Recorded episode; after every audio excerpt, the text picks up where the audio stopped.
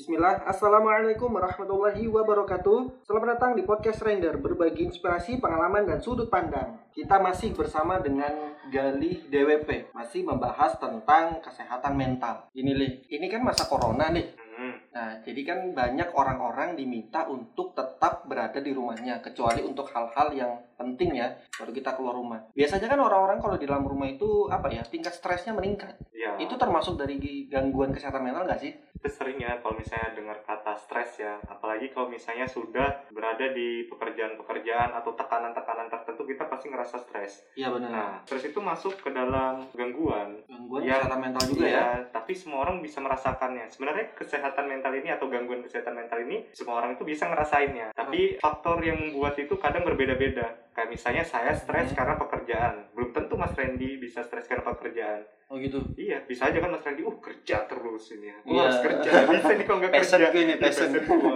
Dikasih tantangan kan. "Ih, pokoknya kerja. Iya. gitu kan. Kalau aku sudah Jadi nggak stres ya? Iya. Berarti penyebab stres itu masing-masing orang bisa berbeda gitu kan? Iya, tapi untuk kriterianya itu sama kayak misalnya tekanan. Nah, itu Iya. kan bisa aja tekanan dari pekerjaan atau tekanan yang lain kayak gitu. Dari hal lainnya. Iya. Misal pas ditinggal lagi sayang-sayangnya Wah, misalnya. itu tekanannya berat banget itu.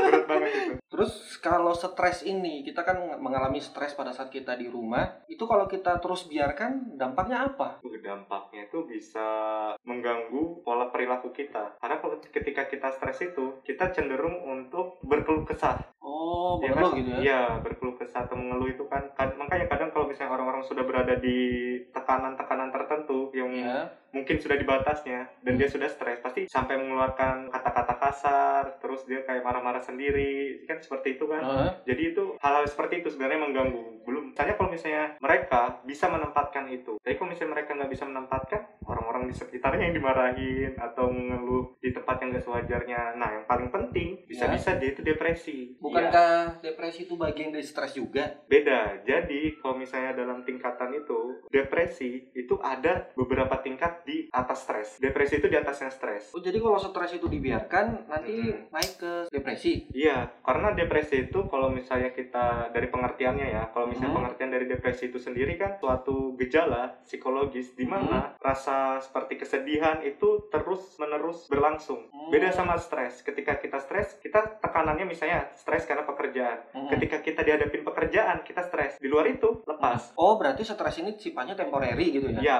Sedangkan temporary. kalau depresi ini lebih ke arah yang konsisten, tekanan-tekanan terus terus terus terus gitu. Ya, dia langsung apa pun itu dia pasti bakalan kayak putus asa, merasa nggak berdaya. Kayak aku ini kan lemah dan nggak berdaya. ya kan? Butuh perlindungan.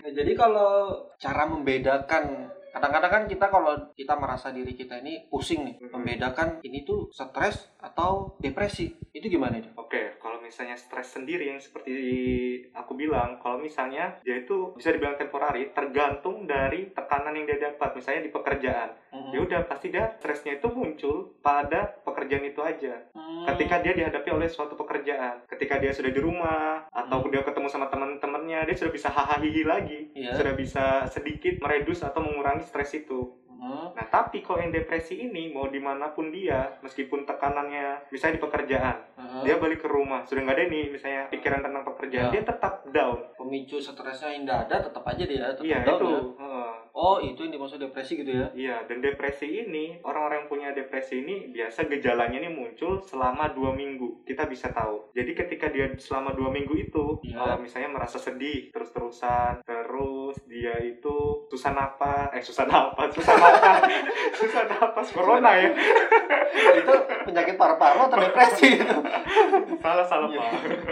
susah makan, jadi dia nafsu makannya berkurang selama dua minggu itu secara terus menerus, terus juga insomnia, gangguan tidur seperti itu. Itu Oh. selama dua minggu, jadi dihitungnya. Yang depresi itu sendiri, bagaimana sadar tadi ya? Ya kan ketika kita memiliki gejala atau gangguan-gangguan kesehatan mental, yang perlu pertama kali kita ketahui kan, pertama kali kita lakukan adalah sadar dulu bahwa kita sedang mengalami gangguan kesehatan mental. Hmm. Nah kadang-kadang teman-teman yang sedang depresi misalkan, dia kan nggak merasa sadar, nggak tahu harus bagaimana, dan nggak tahu harus ke mana. Dia mau ngomong aja susah. Tadi kan kamu bilang susah makan, susah berkomunikasi dan lain sebagainya macamnya. Nah itu gimana? Sedangkan dia sendiri kesusahan atas dirinya. Lalu bagaimana dia bisa sembuh? sebenarnya kalau misalnya depresi ini orang itu sebenarnya sadar dia ada apa sih dia aku kok kayak gini terus kok sedih terus sih kenapa makanku kurang biasa lima piring sehari sekarang satu piring porsi kuli ya ya kan Kurang bisa, ya? ya bisa kayak gitu kan sebenarnya mereka sadar tapi mereka nggak tahu itu apa dan menanggul menanggulanginya Iya. juga nggak tahu bagaimana nah jadi itu pentingnya depresi ini sesuatu yang beda lah sama kayak luka fisik terluka Hmm. misalnya habis jatuh kita Iya. tahu kan cara makainya Iya. pakai dipakaikan diobatin dengan betadine Iya, misalnya gitu dioles insto kalpana dan sejenisnya itu lah pokoknya Iya.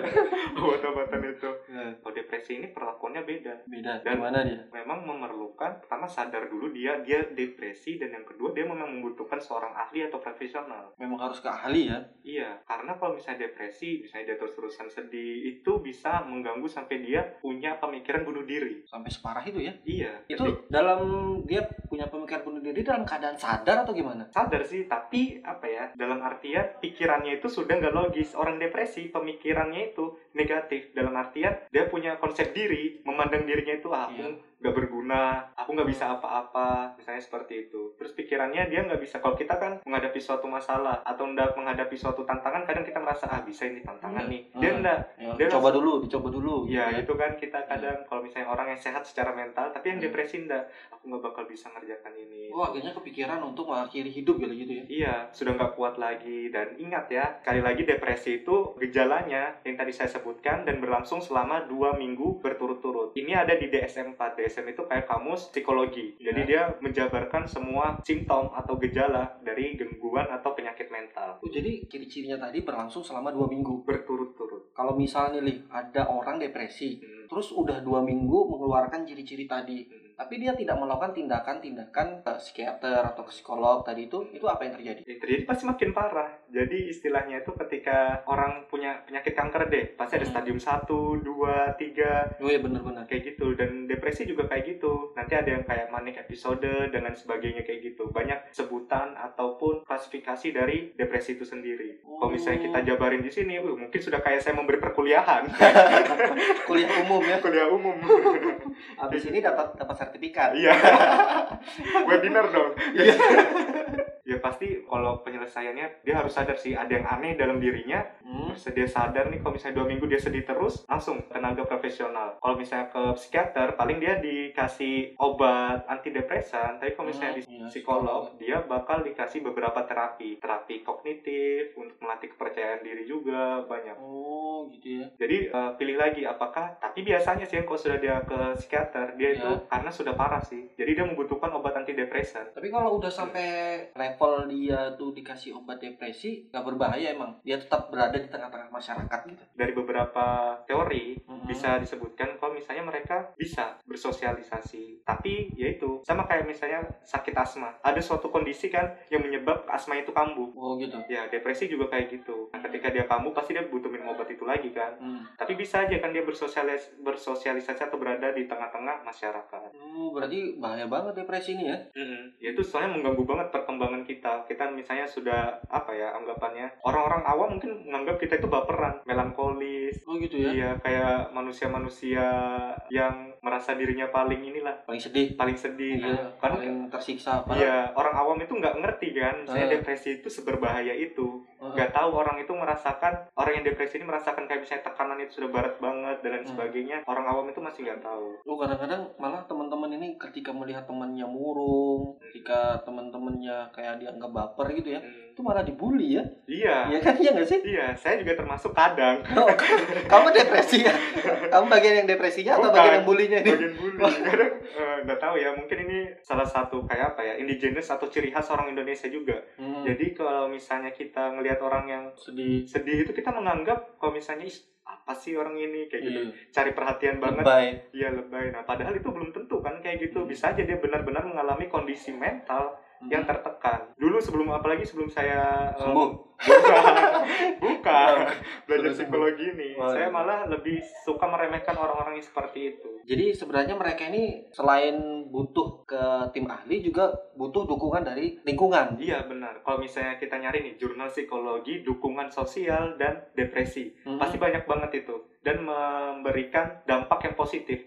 Dalam artian gini, ketika seseorang yang depresi dapat dukungan sosial yang baik, dia pasti akan bisa meredakan depresinya. Oh gitu ya. Iya. Nah itu jadi teman-teman. Kalau ada teman murung itu ya sebaiknya ditanya dulu lah kenapa ya kan. Iya. Mungkin aja dia depresi. Terus kalian olok-olokin dan Ah. itu memperparah keadaan dia. Ya kan. Akhirnya ya jangan sampai ya kalau ketika teman-teman kalian salah satu dari teman-teman kalian kena depresi, akhirnya semakin parah. Iya, sampai bunuh diri lagi. Nah, itu kan wih, parah banget sih.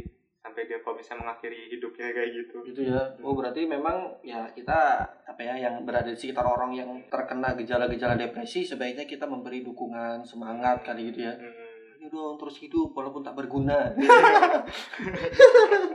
jangan juga ya jangan Dunia ini masih butuh orang tak berguna. Siapa pun kalian di luar sana jika kalian menemukan orang-orang yang terlihat murung usahakan untuk jangan menambah bebannya Hmm, kalau bisa tambah kebahagiaan yang ada di hatinya dengan cara menambah isi dompetnya aja Iya, bisa bisa. hilang depresinya.